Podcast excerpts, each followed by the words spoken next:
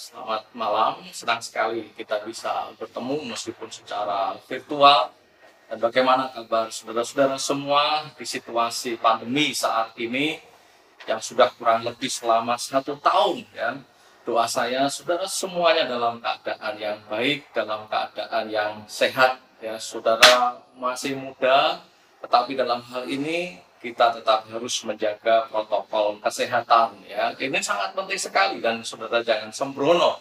Karena meskipun saudara masih muda, mungkin imun tubuhnya masih sangat bagus, tetapi seorang anak muda bisa membawa virus itu dan membuat orang lain bisa terpapar. Ya kasihan kalau seandainya orang di rumah kita, entah orang tua, kakek nenek, ya opa oma itu terpapar, itu bisa beresiko sangat berat sekali. Nah, malam hari ini bersama-sama kita akan merenungkan firman Tuhan dan sebelumnya mari kita berdoa. Tuhan Yesus, salah Bapa kami yang sungguh baik, kami mengucap syukur bahwa di tengah situasi saat ini, kami mempunyai kesempatan untuk merenungkan kebenaran firman-Mu. Biarlah roh kudus bekerja atas kami semua, sehingga kami boleh mengerti maksud kebenaran firman-Mu atas kehidupan kami, kami serahkan ya Tuhan semuanya ke dalam pimpinan penyertaan-Mu. Di dalam nama Tuhan Yesus Kristus kami mengucap syukur dan kami berdoa. Haleluya. Amin. Saudara-saudara, pada malam hari ini tema firman kita adalah kamu berharga. Ini tema yang saya yakin sangat penting bagi seorang remaja, bagi anak muda. Ya, saya pernah ya menjadi remaja, saya pernah jadi anak muda dan salah satu problematika bagi anak-anak kalangan remaja atau pemuda itu adalah persoalan mengenai perasaan nilai berharga, ya merasa kurang percaya diri. Mengapa? Karena merasa orang kok tidak respect ya dengan saya. Orang bisa merasa saya ini kok kayak makhluk halus saja. Keberadaannya itu tidak diakui oleh orang-orang di sekitar kita. Kita ada tetapi orang sepertinya tidak menganggap keberadaan kita. Dan itu bisa menimbulkan perasaan kekecewaan di dalam kehidupan kita. Kalau sekarang sih kadang orang mengukurnya dari kita ini di Facebook berteman dengan berapa ribu orang gitu ya. Wah ini akun Facebook saya kok jarang sekali ada temannya. Kita punya ID ya, followersnya cuma sedikit saja bikin channel YouTube yang tidak ada subscribernya. Wah itu bisa kadang bisa membuat kita bertanya wah ini saya ini kok sepertinya tidak mempunyai nilai berharga. Orang tidak respect orang tidak tertarik dengan saya. Saudara-saudara memang dunia mempunyai tolok ukur nilai berharga pada diri seseorang. Dan dalam ukuran dunia orang itu biasanya dianggap berharga kalau misalnya saja penampilannya keren, ya wajahnya cakep kayak anggota BTS misalkan, atau parasnya cantik, langsing kayak Lisa Blackpink begitu. Waduh, eh, atau seseorang itu dianggap berharga kalau latar belakang keluarganya, ya latar belakangnya wah bro anak ini tuh mami papinya tajir banget bro ya anak gedongan makannya keju, nongkinya di mall, di kafe-kafe mahal. Nggak kayak kamu bro, ya paling cuma di pinggir jalan, ya di angkringan tenda. Wah nasinya juga nasi kucing. Saudara-saudara, kadang orang juga dianggap keren karena tempat sekolah atau kuliahnya. Wah bro, dia itu bro sekolahnya di SMA yang mahal, SMA yang terkenal, kuliahnya di kampus yang hebat. Ya seperti kamu bro, malah sekolah cuma di sekolah negeri, carinya yang gratis. Ya itu cara dunia di dalam mengukur nilai berharga seseorang. Dan itu bisa membuat orang merasa tidak percaya diri. Merasa tidak mempunyai nilai berharga. Karena mempunyai latar belakang orang tua yang biasa saja. Penampilan mungkin juga biasa saja. Tempat sekolah, tempat kuliah, tempat kerja mungkin juga biasa saja. Saudara-saudara, saya kasih tahu saudara, jangan saudara terkecoh dengan tolok ukur dunia di dalam memberikan nilai berharga pada diri kita. Yang ketika kita bercermin misalkan, kita merasa melihat sosok pribadi yang memang sepertinya kok tidak ada harganya. wajah biasa saja saja ya. Sudah begitu ya tidak menarik. Jangan jangan.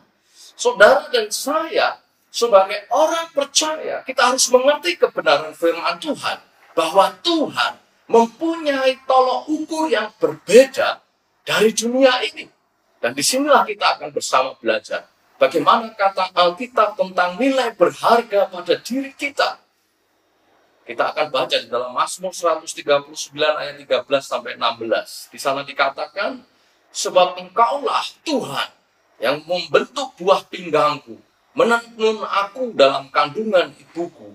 Aku bersyukur kepadamu oleh karena kejadianku dahsyat dan ajaib. Ajaib apa yang kau buat dan jiwaku benar-benar menyadarinya. Tulang-tulangku tidak terlindung bagimu ketika aku dijadikan di tempat yang tersembunyi dan aku direkam di bagian-bagian bumi yang paling bawah. Matamu melihat selagi aku bakal anak dan dalam kitabmu semuanya tertulis hari-hari yang akan dibentuk sebelum ada satu pun daripadanya. Saudara-saudara, intinya pemazmur ingin mengatakan bahwa tubuh kita, tulang dan daging kita dengan segala organ fisik kita, Tuhanlah yang membuatnya. Demikian juga pikiran kita, perasaan kita, hati nurani kita, jiwa, roh kita, apa pun istilahnya, yang oleh Rasul Paulus itu disebut sebagai manusia batinia, semuanya itu juga Tuhan yang telah menciptakannya. Jadi kondisi lahir dan kondisi batin saudara dan saya, Tuhan sendirilah yang membuat dan merancangnya. Dan satu persatu semuanya berbeda. Tidak ada satupun yang sama.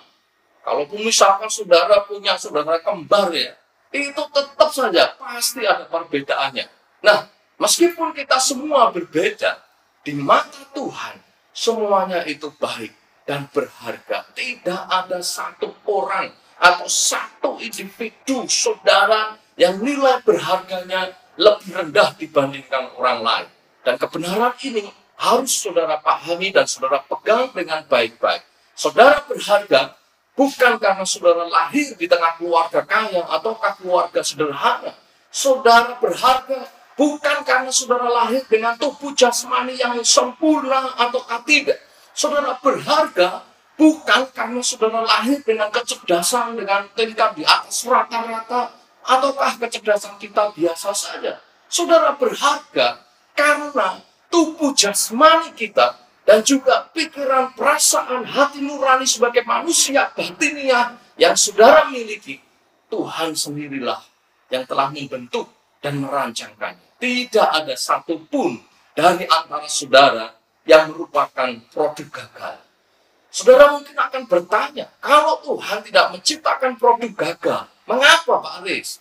Aku tidak diciptakan Tuhan seperti anak-anak yang lain. Mereka diciptakan dalam kondisi fisik yang sempurna, tetapi aku, aku lahir dengan kaki atau tangan yang tidak sempurna.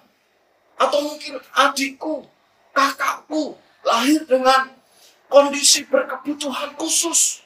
Saudara-saudara, di mata Tuhan, nilai berharga dan kesempurnaan hidup bukan diukur berhenti pada titik momen pada waktu kita dilahirkan saja. Tetapi itu merupakan satu paket seiring dengan seluruh hari-hari perjalanan hidup kita selama kita ada di dunia ini bahkan sampai nanti kita meninggalkan kehidupan di dunia ini. Di ayat 16 Mazmur tadi katakan, matamu melihat selagi aku bakal anak dan dalam kitabmu semuanya tertulis hari-hari yang akan dibentuk sebelum ada satupun daripadanya. Saya ingin memberikan satu contoh ya, sebuah kesaksian seorang gadis Korea bernama Hi Ali. Mungkin saudara pernah juga dengar kesaksian ini. Dia lahir dengan tangan yang masing-masing hanya terdiri dari dua jari, ya, tidak lima jari, tetapi hanya dua jari, yang disebut dengan lobster claw syndrome. Ya. Dan orang mungkin bisa mengatakan bahwa dia lahir dengan kondisi fisik yang tidak sempurna, tetapi Tuhan menuliskan hari-hari yang indah bagi dia.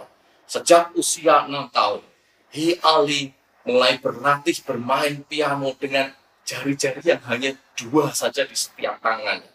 Sampai di usia 20 tahun, dia bisa konser bareng dengan pianis-pianis ternama. Saudara-saudara, mungkin saudara terlahir dengan berbagai macam keterbatasan.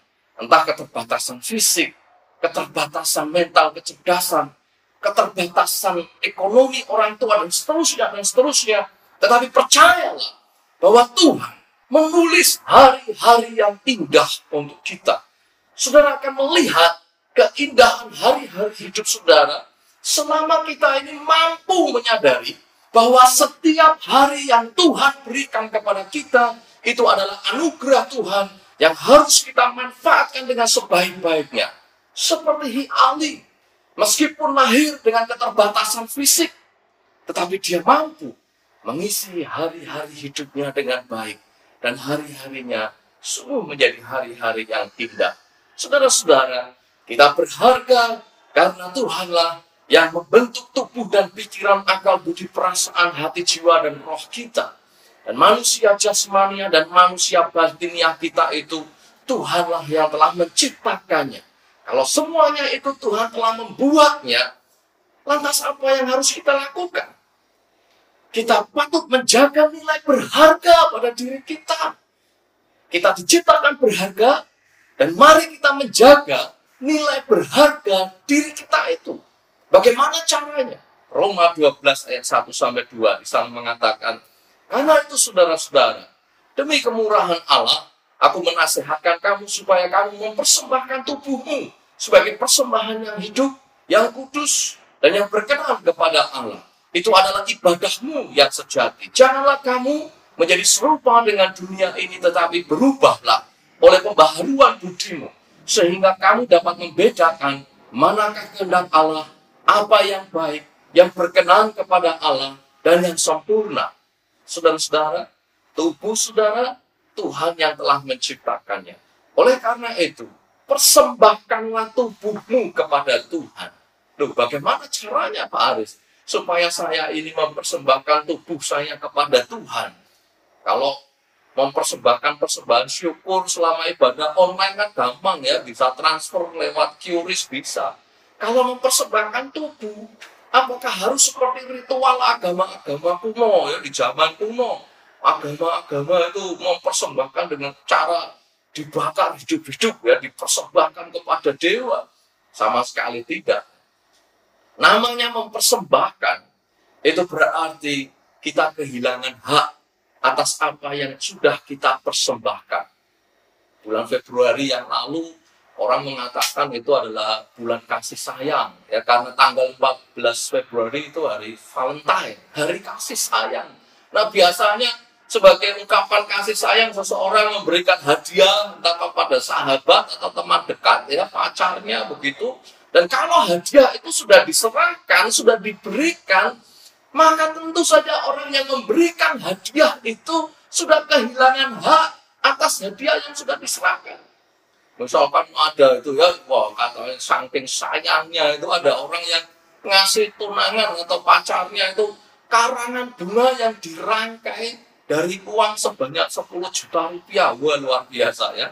Karena itu sudah dikasihkan, ya sudah Berarti dia tidak boleh lagi ngatur-ngatur supaya uang itu digunakan untuk apa atau bahkan kemudian dia minta kembali uangnya untuk kepentingan dirinya. Tidak bisa.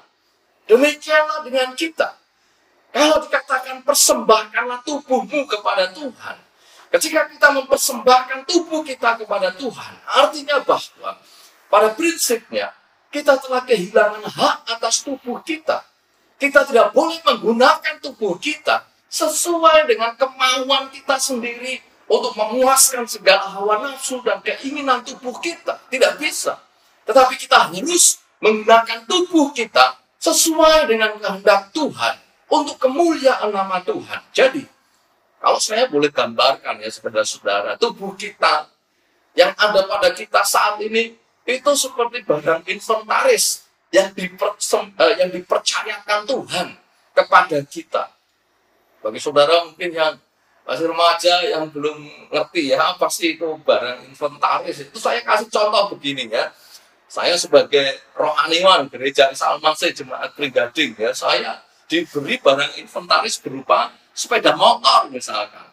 Jadi sepeda motor itu milik gereja.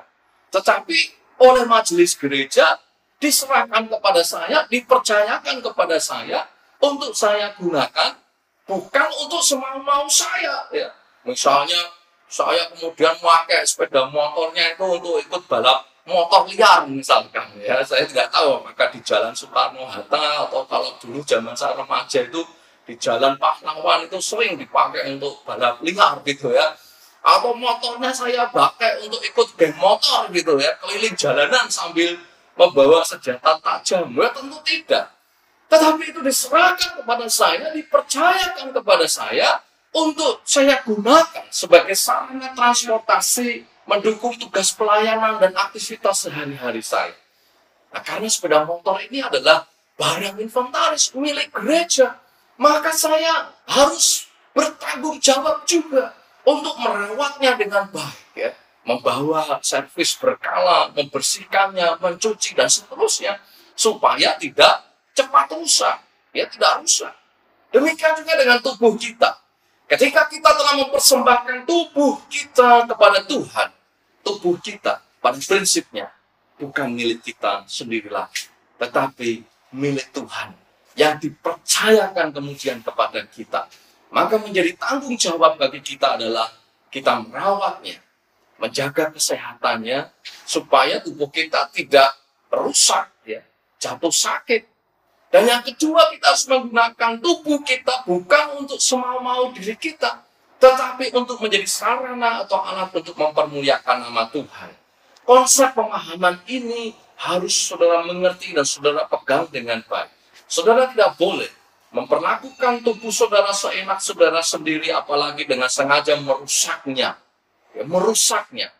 Entah dengan minuman keras, ya, dengan narkoba, atau begadang tanpa tujuan yang jelas, main game sampai lupa batas waktu ya terjadi kasus ada anak mati karena main game ketagihan game online.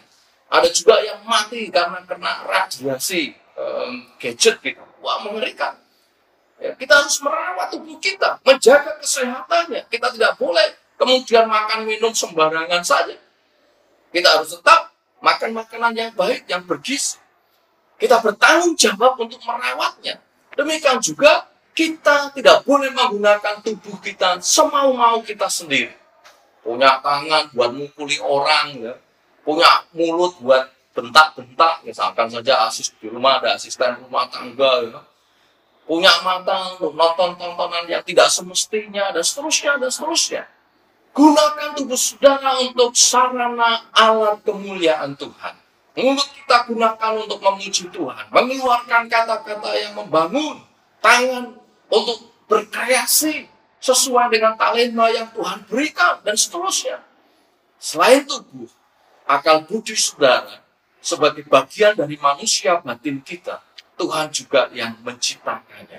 Oleh karena itu sesuai dengan nasihat Rasul Paulus, teruslah diperbaharui supaya hidup saudara tidak menjadi serupa dengan dunia ini. Saudara tahu di mana sebenarnya letak kesalahan pola pikir duniawi yang sudah tercemar oleh dosa. Kesalahan yang paling fatal dalam pola pikir dunia adalah yang benar dianggap salah. Tetapi yang salah itu justru dianggap sebagai sesuatu yang benar. Jadi ada pemutar balikan kebenaran. Misalkan saja, menjaga kekudusan itu adalah kebenaran. Tetapi dalam pola pikir dunia, itu justru dianggap sebagai sesuatu yang salah, dianggap sebagai sesuatu yang bodoh, sesuatu yang keliru. Tidak heran ketika kita sebagai anak-anak muda berusaha untuk menjaga hidup kudus kita di hadapan Tuhan, maka dunia akan berkata ngapain ya? Kamu hidup kudus, ngapain hidup suci, Ngapain ikuti jangan begini, jangan begitu. Kamu tuh masih muda, sudah nikmati saja masa mudamu, bebas saja, merdeka saja. Saudara-saudara, hati-hati dengan tipu daya dunia yang akan memutar balik kebenaran itu. Saudara masih muda, saudara harus banyak belajar firman Tuhan. Sehingga akal budi saudara terlatih dan mampu untuk membedakan manakah kehendak Allah. Apa yang baik, yang berkenan kepada Allah dan yang sempurna.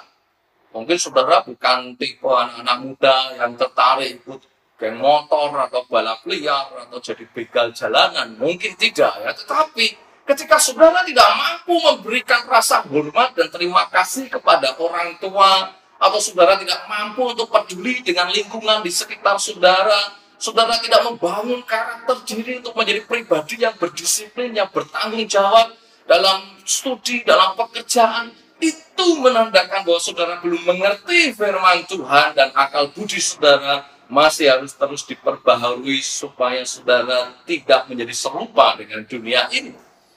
Tuhan menuliskan hari-hari hidup saudara. Maka isilah hari-hari hidup saudara untuk belajar firman. Agar akal budi saudara dapat terus diperbaharui. Gereja kita, gereja SMA sejemaat Gading tiap bulan menerbitkan renungan harian sinar kasih. Saudara bisa membacanya, merenungkannya, untuk memperbaharui cara berpikir kita. Mumpung masih muda, terus diperbaharui, terus diperbaharui. Dan kita belajar untuk melakukan kebenaran firman itu. Saudara-saudara, manusia jasmani, tubuh kita, dan juga manusia batiniah kita, entah itu pikiran, perasaan, hati, jiwa, roh kita, Tuhanlah yang membuatnya dan sebagai ciptaan yang begitu berharga, kita patut menjaga nilai berharga dari tubuh jasmani dan kehidupan batin kita dengan mempersembahkan tubuh kita kepada Tuhan dan memperbarui akal budi kita sesuai dengan kebenaran firman Tuhan. Pertanyaannya, Sampai kapan Pak Aris? Jawabannya singkat. Sampai akhir hidup kita. Mazmur 116 ayat 15 mengatakan berharga di mata Tuhan. Kematian semua orang yang dikasihinya. Saudara-saudara, engkau sungguh berharga di mata Tuhan. Karena Tuhan sendirilah yang telah membuat hidup saudara. Sejak saudara masih bakal anak janin di dalam perut mami saudara ya. Tuhan juga yang mengaruniakan hari-hari hidup bagi saudara. Kalau sampai detik hari ini saudara masih bisa bernafas, saudara terluput dari pandemi COVID-19 atau mungkin ada di antara saudara yang pernah terpapar tapi kemudian bisa menjadi negatif kembali ya, bisa lolos dan kembali sehat. Itu semua karena kasih karunia dan anugerah Tuhan. Demikianlah yang akan terjadi di dalam hidup saudara. Bahwa selama saudara berpegang teguh kepada iman percaya saudara kepada Tuhan kita Yesus Kristus yang telah menjadikan hidup kita, maka kita akan hidup berada di dalam lingkup kasihnya. Sampai pada akhir hidup kita, kita ini akan tetap berharga di mata Tuhan. Tetapi, satu hal yang harus saudara waspadai. Masa muda tidak jarang menjadi masa di mana saudara seakan berada di persimpangan jalan antara terus mengikut Kristus dan hidup di dalam lingkup kasih karunia Allah sebagai anak-anak yang dikasihinya ataukah berbelok menyimpang meninggalkan iman percaya kepada Kristus. Tidak sedikit Orang Kristen yang kehilangan iman percayanya kepada Kristus di usia remaja, ketika masih muda, putus asa karena tidak mendapat pasangan hidup yang seiman, nekat meninggalkan iman percayanya kepada Kristus. Putus asa karena tidak segera mendapat pekerjaan atau peningkatan karir yang baik, memilih meninggalkan iman kepada Kristus, demi supaya identitas agama yang tertulis di KTP bisa diganti kemudian karirnya bisa naik. Beberapa waktu yang lalu teman-teman SD saya, zaman SD eh, mengumpulkan sedemikian rupa kemudian bikin grup WA. Di situ saya melihat foto salah satu teman saya, perempuan. Jelas dulu dia adalah orang Kristen, ya, pernah gereja bersama masa SD kecil ya dengan saya. Tetapi sekarang dari pakaiannya sudah terlihat bahwa dia telah meninggalkan imannya kepada Kristus. Bahkan ada juga adik kelas saya di kampus STP ya, di perguruan tinggi yang mempersiapkan anak muda jadi pendeta. Yang ternyata sekarang juga meninggalkan imannya kepada Kristus. Biar bisa jadi PNS. Saudara-saudara, Jangan biarkan apa pun yang ada di dunia ini di masa muda saudara saat ini membuat saudara kehilangan iman saudara kepada Kristus. Engkau diciptakan Tuhan dengan begitu berharga. Maka peliharalah nilai berharga hidup saudara itu dengan mempersembahkan tubuh saudara untuk kemuliaan nama Tuhan dan pembaharuan budi saudara. Demikian juga peliharalah iman saudara kepada Kristus sampai akhir hidup saudara. Saudara masih muda, perjalanan hidup saudara masih panjang, tantangan dan cobaan pasti juga siap menghadang jangan goyah. Jangan menyimpang ke kanan atau ke kiri. Tetapi tetaplah berjalan lurus dalam iman percaya kepada Kristus. Kiranya firman Tuhan boleh menjadi berkat bagi kita semuanya. Mari kita tunduk diri dan kita berdoa. Tuhan Yesus adalah Bapa kami yang sungguh baik. Kami sungguh mengucap syukur karena Engkau telah menjadikan kami sebagaimana ada kami saat ini. Dan bahkan Engkau Tuhan yang telah memelihara dengan penuh kasih-Mu hari-hari hidup kami ya Tuhan yang sudah Engkau sediakan. Maka biarlah ya Tuhan, keberadaan kami yang sungguh berharga di matamu, boleh kami jaga dengan kami mempersembahkan hidup kami sepenuhnya untuk hormat kemuliaan bagi namamu sampai akhir hidup kami. Tuhan, tolonglah kami, khususnya yang menghadapi pergumulan-pergumulan di masa muda kami ya Tuhan biarlah engkau sendiri yang memberi kami hikmat, memberi kami kekuatan untuk kami tetap berpegang teguh kepada iman percaya kami dan kami boleh menjadi anak-anak Tuhan yang hidup di dalam kesungguhan hati untuk kami mengikut Engkau. Kami percaya Tuhan, Engkau sendiri yang akan memberkati segala kehidupan kami. Dan kami percaya hari-hari kami sudah Engkau tuliskan pada kitabmu. Dan kami yakin dan percaya semua yang terbaik Itulah yang kau sediakan di dalam kehidupan kami. Terima kasih Tuhan. Meteraikan kebenaran firman-Mu di dalam hati kehidupan kami. Dan ajarlah kami menjadi pelaku firman Di dalam nama Tuhan Yesus Kristus, kami mengucap syukur dan kami berdoa. Haleluya. Amin.